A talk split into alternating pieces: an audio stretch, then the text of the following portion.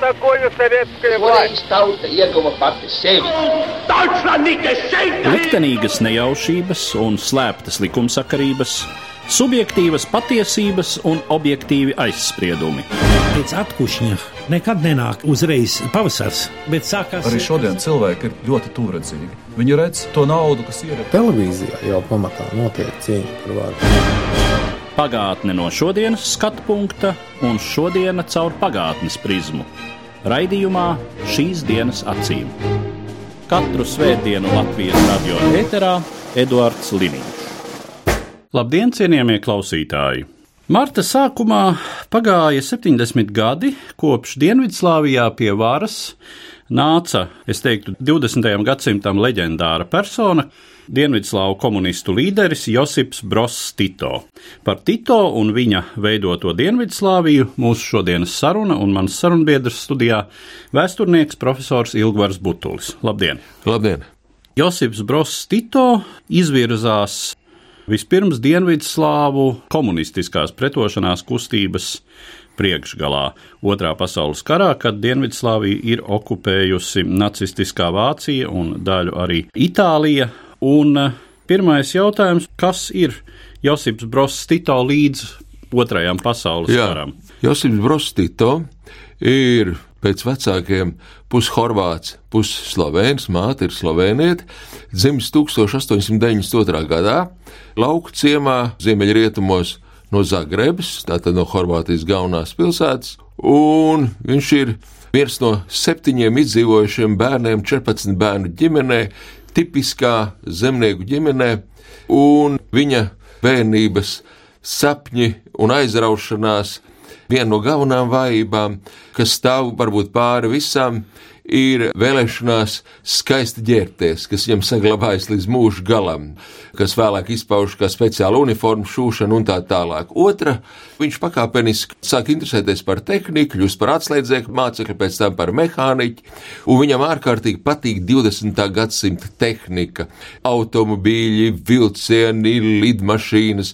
Viņš vienkārši ir šo 20. gadsimta satiksmes līdzekļu fans. Viņš, protams, arī karo, viņš karo Austrumgārijas armijas sastāvā, nonāk Krievijā, aprecas, viņam piedzimst dēls, pēc tam viņš nonāk komunistiskajā kustībā. Tā lēni un diezgan pakāpeniski.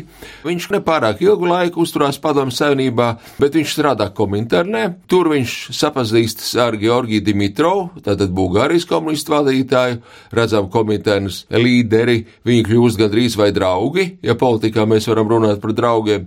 Viņš pagūst 30 gados pabūt cietumos, bet viņš ir arī Vīnē, nonāk Vācijā, un šajā laikā viņš izveidojas, protams, kā personība.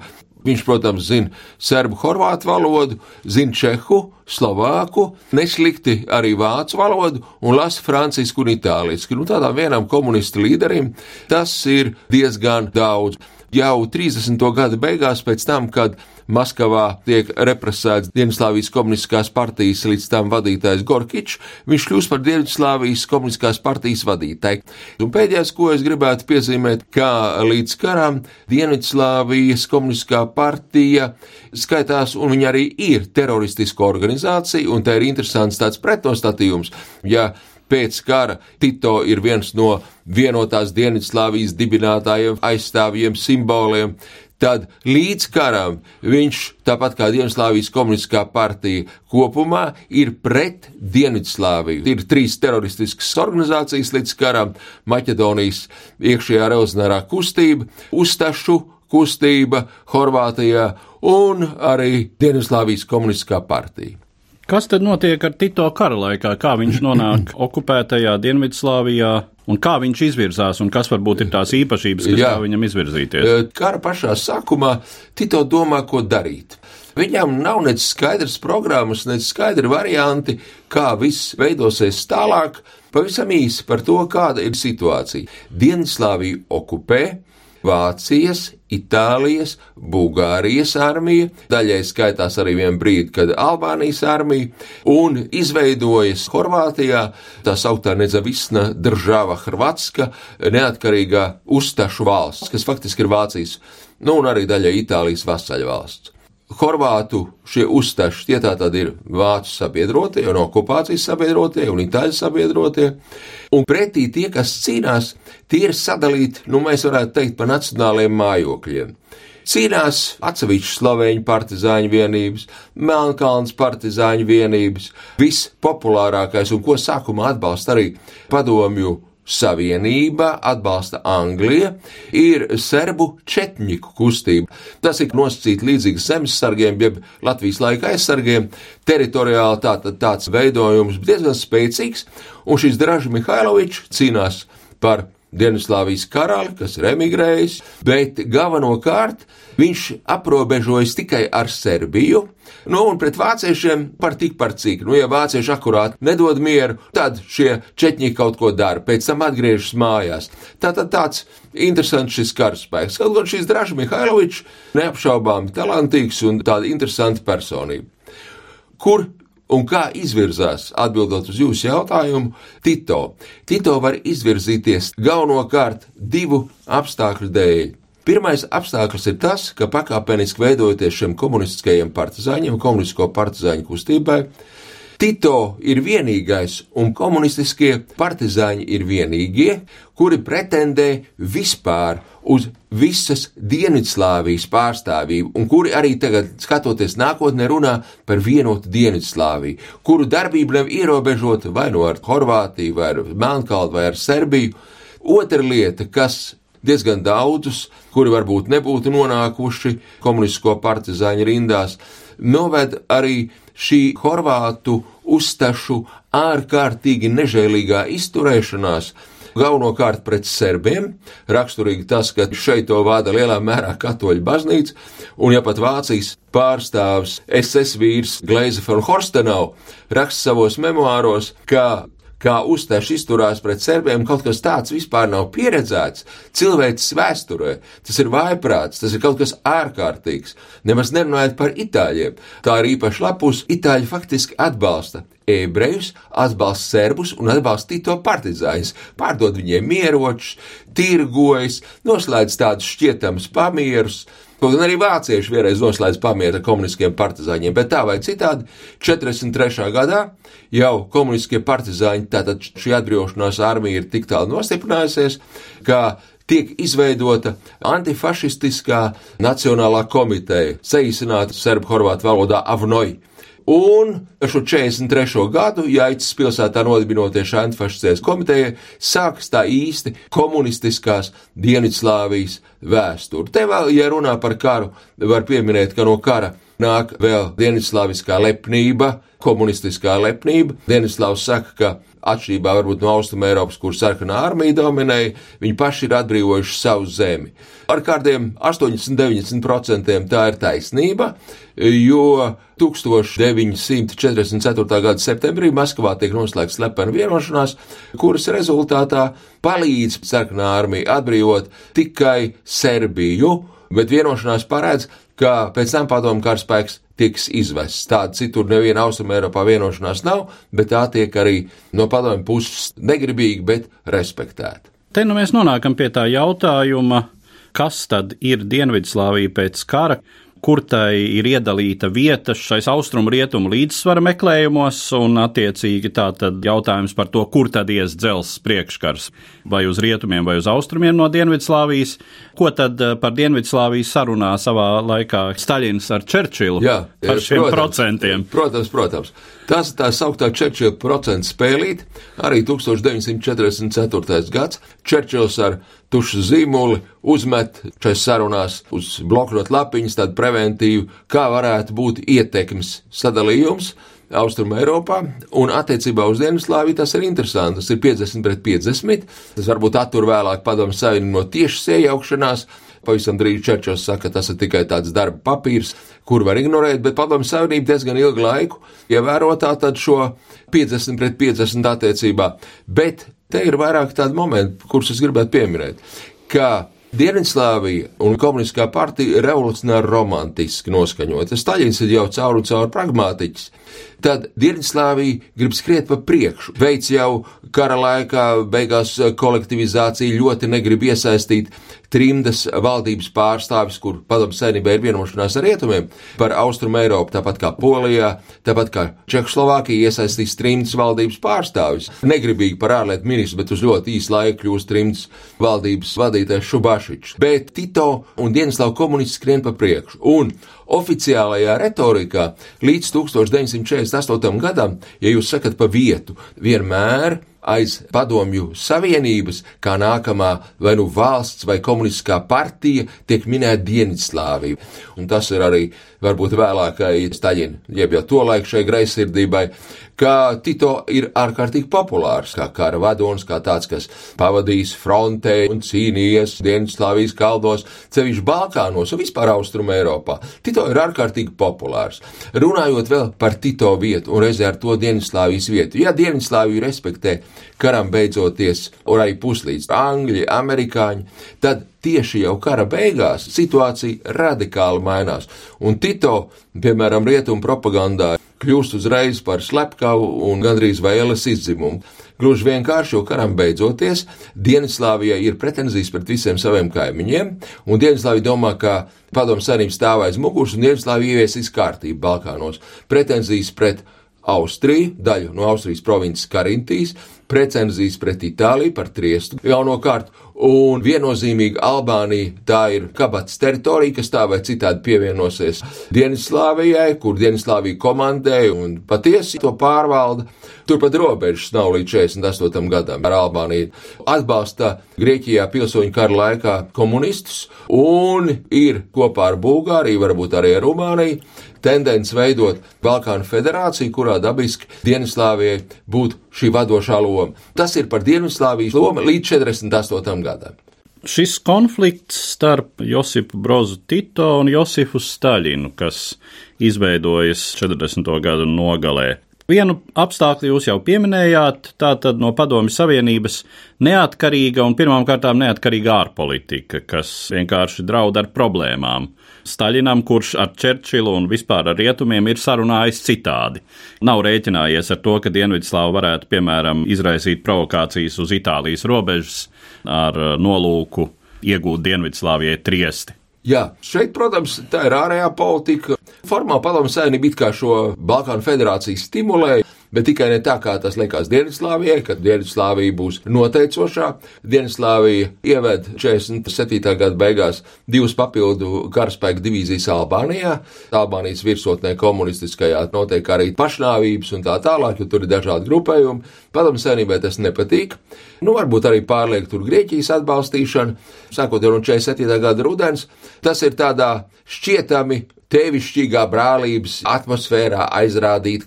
Kaut gan tādas personiskās Staļina antipātijas varbūt pret Tito, kā raksta Džilas, viens no galvenajiem līdzgaitniekiem savās grāmatās, gan par Staļinu, gan par Tito, tās ir tā jūtams, nu, bet viņas paliek, teiksim, latentā līmenī līdz 48. gadam.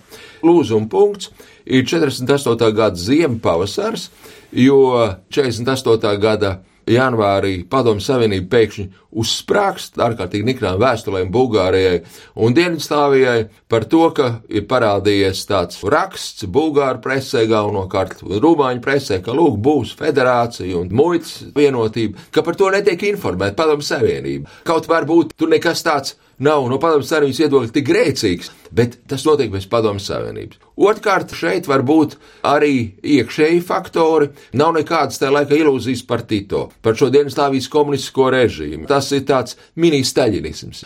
Bet šis mini-staļinisms grib darboties pats un gana ambiciozi. Un katrā ziņā šeit notiek tas process, ko sauc par sovietizāciju bez sovietizācijas. Tā tad notiek padomjas armijas piemēra pārņemšana, bet bez padomju armijas klātbūtnes un vispār praktiski bez padomju klātbūtnes, izņemot tur militāros padomniekus. Dienvidslāviem nepatīk, un jautājums sarežģījās, ka Padomu Savienība izvērš ārkārtīgi plašu spiegošanas kampaņu līdz pat Tito miesas sargiem un līdz strādniekiem, kas vispār satriec tā laikā. Dienvidslāvu komunisti viņi kaut ko ar tādu nav rēķinājušies. Šie Padomu Savienības ekonomiskie padomnieki un militārie padomnieki, viņu ir daudz tā laikā, viņi ir vairāk nekā tūkstots, kas tā tad spiego un kas ārkārtīgi nelojāli uzvedās. Te galvenokārt ir padomnieku virsnieku ālēšanās, izvarošanas gadījumi daudz, un Tito norāda, kad viņš martā uzraksta Staļinam, tā nevajadzētu. Nu, skatieties, kā angļi, cik solīdi tie angļu padomnieki, jo taču diskreditē padomu senīsu Dienaslāvijas draudzību. Tāda arī padomju armijas vadība, tur maršals Vasiljevskis, tā laikā ģenerālstāv priekšnieks, un Staļins pats tādi ir pārskaitušies, un martā tiek informēta Dienaslāvijas komunistu savienība par to, kad ir konflikts, ne Dienaslāvijas izraisīts. Protams, ir nemazums, kas atbalsta šo staļinisko viedokli, bet te Tito parāda stingrību pret diviem politbiroja locekļiem, Hebrangu un Žojoviču. Viņus apcietina, nosūta uz koncentrācijas nometni, vispār 12 tūkstošus apcietina šietamo vai drīzāk esošo tādu staļiniski noskaņoto, jeb prosovietiski. Dienaslāvija vēl cenšas izmisīgi, faktiski līdz kādam 50. gadam, pierādīt, cik viņi ir labi un pareizi komunisti. Kaut gan ir pārtraukts attiecības viss, un faktiski Dienaslāvija ir totālā izolācijā. Bet tad no kāda 50. gada Dienaslāvija ir skaidrs, un Tito ir skaidrs, ka tālāk tas tā iet nevar, un kaut kas ir jāmaina. Jo arī līdz 50. gadam, ja Tito ir tāds, kā viņš visu laiku bija, un Dienaslāvija, kā viņš visu laiku bija, viņi nerespektēs arī rietumos. Tātad kaut kas jādara, kaut kas jāmaina. Un tad sāks jau pēc 50. gada pakāpeniskā Dienaslāvijas tuvošanās rietumiem. Un atgriežoties pie tā, ko jūs pamatoti pieminējāt, tātad Dienaslāvija pasaulē jautājums. Dienaslāvija sākot ar 54. bet īpaši ar 55. un 56. gadu izvirzās un Dienaslāvijas svars pasaulē kļūst neatbilstoši liels reālai situācijai un šai valsts potenciālam. Kāpēc tas ir tā? 50. gadu otrā puse Tā ir milzīgs atbrīvošanās kustības process Āfrikā, Āzijā, un vairums šo valstu izvēlas būt neitrāls, formāli. Un Tito ar tādu ļoti prasmīgu politiku, organizējot konferences, piedaloties, izvirzās par vienu ja ne pašu galveno, šo nepievienojušos valstu kustības līderiem.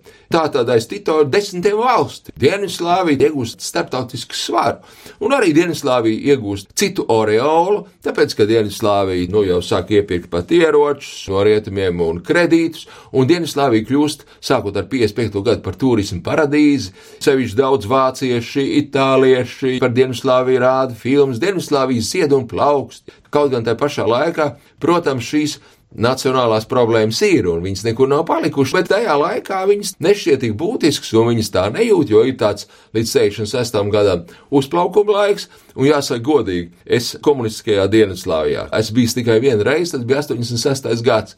Un arī tolaik, kad jau burtiski ļoti tuvu bija Dienvidslāvijas sabrukums, visas tas konflikts, arī no pašas Dienvidslāvu puses nu nelikās tas viss tā, bet katrā ziņā varbūt šis eksperiments, šis jugoslāvisms, tā vai citādi izrādījās diezgan neveiksmīgs. Tā Dienvidslāvija faktiski nu, tāda jau tā ir izveidojusies pirms otrā pasaules kara. Arī pēc savas struktūras mazliet atgādina Padomju Savienību. Tāpat ir no vairākām nācijām kombinēts valstisks veidojums, kurā serbi tomēr pretendē būt galvenā vadošā nācija, līdzīgi kā tas ir ar Krieviem Padomju Savienībā? Jā, tas ir ļoti interesants jautājums.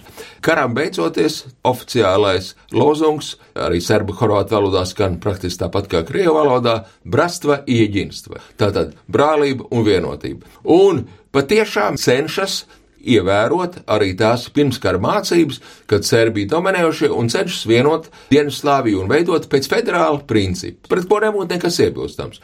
Bet kur varbūt ir šis sarežģītība, uz ko tad balstās šī vienotība? Gandrīz līdz 80. gadam balstās galvenokārt uz Tito autoritāti. Tito kā vadītājs, jo Tito ir prezidents, Tito ir armijas vadītājs, Tito ir mūža vadonis, Tito ir karavaronis, balstās otrkārt uz partizāņu draudzību. Tas ir kamēr ir dzīvi dažādu tautību līderi, varoņi, birokrāti un tā tālāk, tikmēr tas turās kopā. Protams, tas balstās arī uz to, ka neapšaubām šī vienotā politika pēc 48. gada pret Padomju Savienību, neapšaubām panākumu sevišķi līdz 66. gadam, 60. gadu beigām, ekonomikā, kultūrā. Tas viss ir un to noliegt būtu muļķīgi. Bet reizē ar to šī nacionālā politika no Tito puses ir dziļi nepareiza, jo tā faktiski balstās uz pretrunu izmantošanu un uz visu galveno spēlētāju, tātad katram kaut ko atņemt pēc principa. Kas atņemts tiek Horvātijai. Kaut gan Tito pats ir Horvāts, un Horvātiem, kaut viņi ir it kā zaudējuši karā, kā Vācijas sabiedrotie, viņiem ir nu diezgan liela loma. Patiesi liela arī pēckara Dienaslāvijā. Serbija, Horvātija, tās tās galvenās valsts. Horvātijai tiek atņemta Bosnija un Hercegovina. To sauc arī par Horvātijas vēderu, un tiek izveidota īpaša republika, un kas vēl trakākais, tiek mākslīgi radīta no 60. līdz 70. gadam. Tā ir pilnīgi Tito iniciatīva, tiek radīta jauna nācija, kāda nekad nav Dienaslāvijā līdz tam pastāvējis - musulmaņi. Tātad ir musulmaņu ticība, kur raksta ar mazo burtu, un ir musulmaņu nācija, kur raksta ar lielo burtu tajā laikā, bet tas ir, lai vainātu Horvātiju. Savukārt, Slovenijai ir īpašs status. Slovenija ir visspēcīgākā rūpniecība, Slovenija ir Austrija, Itālija, Slovenija tie ir galējie ziemē, tā ir Eiropa, un viņi arī sevi tā jūt. Piedodiet, tā Dienvidslāvijas Baltija. Dienvidslāvijas Baltija, jeb to laiku viņi sauc Dienvidslāvijas Austrija. Tālāk Serbija. It kā jā, gaunā un tā tālāk, bet Serbijas pozīcijas tiek ievērojami vaināts. Sākumā neapzināti, pēc tam apzināti. Sākumā līdz 40. gadu beigām nav robežas ar Albāniju. Tolaik par to nedomā, un masveidā albāņi ieplūst Kosovā, un faktiski Kosovas mūsdienu izpratnes jautājums - albāņu ļoti lielā dominante. Tā izveidojas šeit 40. gadu beigās, bet tolaik tas liekas nebūtiski, un neviens par to vispār nedomā. Bet tas jau vēlāk atspēlējas, tātad serbu mazākums un tā tālāk. Savukārt jau 60. un 70. gados, lai savaldītu serbus savukārt, Tad Serbijā ir divi autonomi rajoni - Kosova un Vojvodina. Vojvodinā tur Ungāri, liela daļa iedzīvotāji, bet arī Serbi. Viņiem tiek dota autonomija. Bet autonomija Serbijas iekšienē, tātad viņiem būtu jāpakļaus Serbijai. Bet visos valsts orgānos, partijas, tikai ne militāros, viņas statusā tiek pielīdzināts šīm republikām. Tātad faktiski Serbija neko nevar izdarīt un nevar kontrolēt nedz Vojvodinu, nedz arī šo Kosovu, jo viņām ir veto tiesības visos šajos komunistu savienības un Dienvidslāvijas valsts orgānos. Un arī jāsaka, te ir diezgan liela nevienlīdzība. Kaut gan, protams, arī ir likums, ka jāsadala, jāpārdala šī ienākuma, un tas arī lielā mērā varbūt tiek dalīts. Bet, ja mēs skatāmies dzīves līmeni un ienākumu līmeni, tad 60. un 70. gadu mijā Slovenijā tas ir astoņas reizes lielāks nekā Maķedonijā. Un šeit ir tā sauktā Dienvidslāvijas līmenī ziemeļdienvidu problēma. Kāda tad ir rietumvalstu attieksme pret Dienvidslāviju, ja ņem vērā, ka Dienvidslāvija ir un paliek tomēr totalitāra, komunistiskas orientācijas valsts. Jā, bet te ir redzēt drusku starpība. Mēs jau kādreiz runājām netik sen par Rumānijas komunistisko režīmu, un Čaušesku, kas arī it kā konfrontē ar Padomu Savienību, un arī flirtēja ar rietumiem, bet rietumu attieksmi pret Dienvidslāviju. Dienvidslāvija patiešām uzskata, par tādu, kurš iekšējā situācija ir daudz stabilāka, demokrātiskāka. Tātad faktiski jau sākot no 60. gadiem, neteiksim pilnīgi, bet atklāta robeža ar visām kaimiņu valstīm, Dienvidslāvijas piedalīšanās starptautiskos fórumos, rietumu masu informācijas līdzekļiem iespējams ir rakstīt arī iespējams viņas ir nopirkt un ir daudz mazāka cenzūra, lielāka brīvība, arī ideoloģiskās lietās šķietami, bet vēl vispār, kam galvenokārt notic pašdienas slāvu notic arī rietumi, ka Dienvidslāvijā ir izveidojies sociālismu modelis, kas ir demokrātiskāks, kas ir kaut kāda alternatīva padomju savienības modelim. Kaut pēc tam jau dzīvu laiks pierāda, ka tas modelis ar pašpārvaldi pieder, pieņemsim, rūpniecības uzņēmumu nevis valstī, bet pašam rūpniecības uzņēmumu kolektīvam, kas sadala šos ienākumus, privātā iniciatīva. Nu, no šodienas tā privātā iniciatīva liekas smieklīgi. Es tajā 86. gadā mēģināju noskaidrot, kāda ir tā Dienaslāvijas privātā iniciatīva. Drīz būtu uzņēmums privātais ne vairāk kā ar septiņiem strādājošiem. Bet tolaik tas šķiet tomēr alternatīva. Atsakās no kolektivizācijas. Tas viss rada tādu imīģu, arī rietumu noticis, ja nu tas ir tas labais komunisms. Tas nav tas padomju. Kaut gan es te jums varu tikai piekrist, es arī par to esmu kādreiz domājis, ka pēc būtības, ja mēs skatāmies tās totalitārismu pazīmes, tā no tā klasiskā viedokļa, tad gandrīz viss jau viņas tajā Tito režīmā ir. Totalitārais vadonis, vienas partijas groz, kā grib Dienaslāvijas komunistu savienības diktatūra, kontrola, terora aparāts ir un, kad vajag, viņš uzdarbojās. Katrā ziņā tā Tito personība, tas nekādā ziņā nebija Staļins, nebija tik attiebīgs, tas ir varbūt katra tirāna liktenis, ka savus uzticamākos, kas viņam bija šis lielais trijo jau pirms kara, viņa draugu un līdzgaitnieki, tātad Milovans Žilas, Melnkalnietis, Serbs Aleksandrs Rankovičs un Slavēnis Edvards Kārdēls, viņš glai gaitā no visiem atsakās. Vai Tito režīms ir salīdzināts ar citām vidusjūras reģiona diktatūrām, kas apmēram tai pašā laikā un tais pašos platuma grādos, kā zināms, pastāv ļoti ilgi un diezgan stabili. Franko režīms, Salazāra režīms, vai vēsturnieki vēl kaut kādas paralēlas šai ziņā? Jūs ziniet, ārkārtīgi maz. Tie autori, kas ir mēģinājuši klasificēt totalitāros un autoritāros režīmus. Klasifikācija ir tāda, ka Franko režīms un Salazara režīms, jeb šīs Iberijas diktatūras, tomēr tiek skaits autoritāra režīmi. Protams, var dēvēt par autoritāru, zināmā mērā, bet es tomēr esmu šai ziņā stingri konservatīvs. Šīs komunistiskās diktatūras vērtēt, un arī es zinu, ka ir autori, kas vērtē kā vairāk totalitārismu tomēr kā tādu, kur daudz vairāk pakļauta eksperimentiem. Tas, protams, ir interesants jautājums, bet tādu īpašu pētījumu, vismaz tā literatūra, kuru es esmu lasījis un kur es esmu apzinājies, te es tādu īpašu neesmu atradis. Tas, par ko es iedomājos, ka Dienvidu Eiropa, vidusjūras reģions vienmēr ir bijis savā attīstībā un joprojām ir īpatnēja Eiropas daļa, un mēs redzam, cik salīdzinoši grūti šis reģions pieskaņojas Eiropas centrālajai virzībai, kaut vai visas Grieķijas problēmas. Jā, bet es domāju, ka šeit vēl ir viena problēma Dienaslāvijai, varbūt specifiska, kas nav arī citām vidusjūras valstīm, un arī, ja mēs paplašinām Balkānu valstīm, un te ir tā Dienaslāvijas specifika, ka caur Dienaslāviju iet lielā robeža starp ticībām un starp civilizācijām. Tātad Horvātija, Slovenija vienā pusē, kas gadsimtiem pie Austrijas un pie Itālijas. Mans personiskais viedoklis, bet es domāju, to arī apstiprinājis dzīve, ka faktiski arī pat vēl šodien, neraugoties uz visām 90. gadu kariem, Dienvidslāvijas adrijas piekrast Horvātija, viņa ir daudz itāliskāka nekā, teiksim, Itālijas krasts. Tā itāļu ietekme tā bija gadsimtiem ilgi, un Itālijas kultūras ietekme un Dubrovnikas republika kādreiz pastāvēja gadsimtiem ilgi. Venēcijas ietekme šais Horvātijas Jā. piekrasts, Dalmācijas. Jā, ja mēs skatāmies Splita, Šibenika, Dubrovnika, un tā pašā laikā ir Serbija, ja, tā tad par pareizticību, dzelžainu, centrālismu, ar eh, militārismu, jeb Maķedoniju, kas kā nācija vispār izveidojās tikai Tito Dienvidslāvijā, ka mēs varam sākt runāt. Līdz tam nesaprat, vai viņi ir bulgāri, vai viņi nav bulgāri, vai viņi ir slāvi, vispār, vai serbi, vai vēl kaut kas, vai grieķi. Tā kā papildus Dienvidslāvijai, protams, ir šis jautājums. Bet katrā ziņā šī Dienvidslāvija, kas bija komunistiskā, katrā ziņā viņa bija interesanta valsts. Nevar noliegt viņai savu vietu, savus panākumus, kultūrās sevišķi, piemēram, izcila telniecība, arhitektūra, pasaules klases gleznotāji, naivisti Horvātijā, izcils sportisti. Nu, tas viss bija. Literatūra, Tas, literatūra, jā, literatūra ļoti daudzpusīga ar Nobelprēmijas laureātiem, jā, Ivo Andriču un tā tālāk. Atceroties personiski savu šo vojāžu toreiz uz Dienvidslāviju, man kaut kur toreiz tā valsts ļoti patika. Nekur daudz jau nebija būts, tie vēl padomu laiki. Un tādu galu novēlēt viņai, ja prognozēt, toreiz neviens nevarēja. Jā, tas pēdējais jautājums. Cik lielā mērā no tā, kāda ir Tito Dienvidslāvija, izriet tas, kas notiek ar Dienvidslāviju pēc padomju sistēmas sabrukuma? Tātad Tito mirst 80. gadā, un 80. gadi tie ir Tito pēcteči.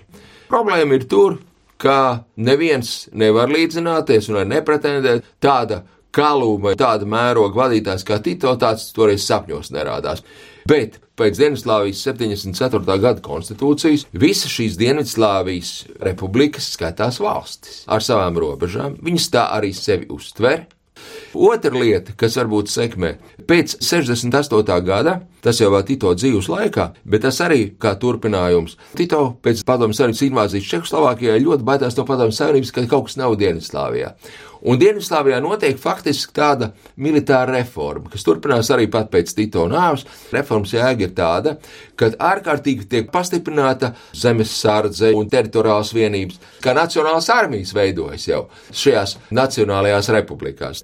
Un vēl ir viena lieta, ka pēc Tito šis princips, ka katra šī teritorija, katra šī valsts, katra šī republika var uzlikt veto tiesības, un mainās Dienvidslāvijas vadītāji, izņemot armijā, partijas līmenī un arī valsts orgānu līmenī katru gadu, lai republikas nebūtu apskaitīts, nedomājieties, kas tas par hausu. Katrs uz savu pusi, un tāpēc arī Tito sevišķi varbūt nepatīk serbiem, sakrā ar tiem faktoriem, kurus es šeit minēju. Viņi uzskata, ka ir sagrāvis Tito Serbiju, bet vienalga Horvātijā un arī vēl citur esot parādījušies jau pat 90. gadu beigās un pat tagad jau 2000. gadu sākumā tādi lozungi uz sētām, uz sienām. Viņa iesauka Dienvidslāvijā. Tito bija vecais, vecais nāca atpakaļ. Nav gaisa bez tevis vairs. Šī pretrunīga personība, nu, bet katrā ziņā, atgriežoties pie tā, ko jūs jau minējāt sākumā, patiešām 20. gadsimta austrumu Eiropā un arī pasaules mērogā liela figūra. Ar to mēs arī noslēdzam mūsu sarunu par Dienvidslāvijas līderi Josipu Brozu Tito un viņa izveidoto valsti, un es saku paldies manam sarunbiedram, vēsturniekam Ilgvaram Butulim. Paldies, vislabāk! Katru svētdienu Latvijas radio viens par pagātni sarunājas Eduards Liniņš.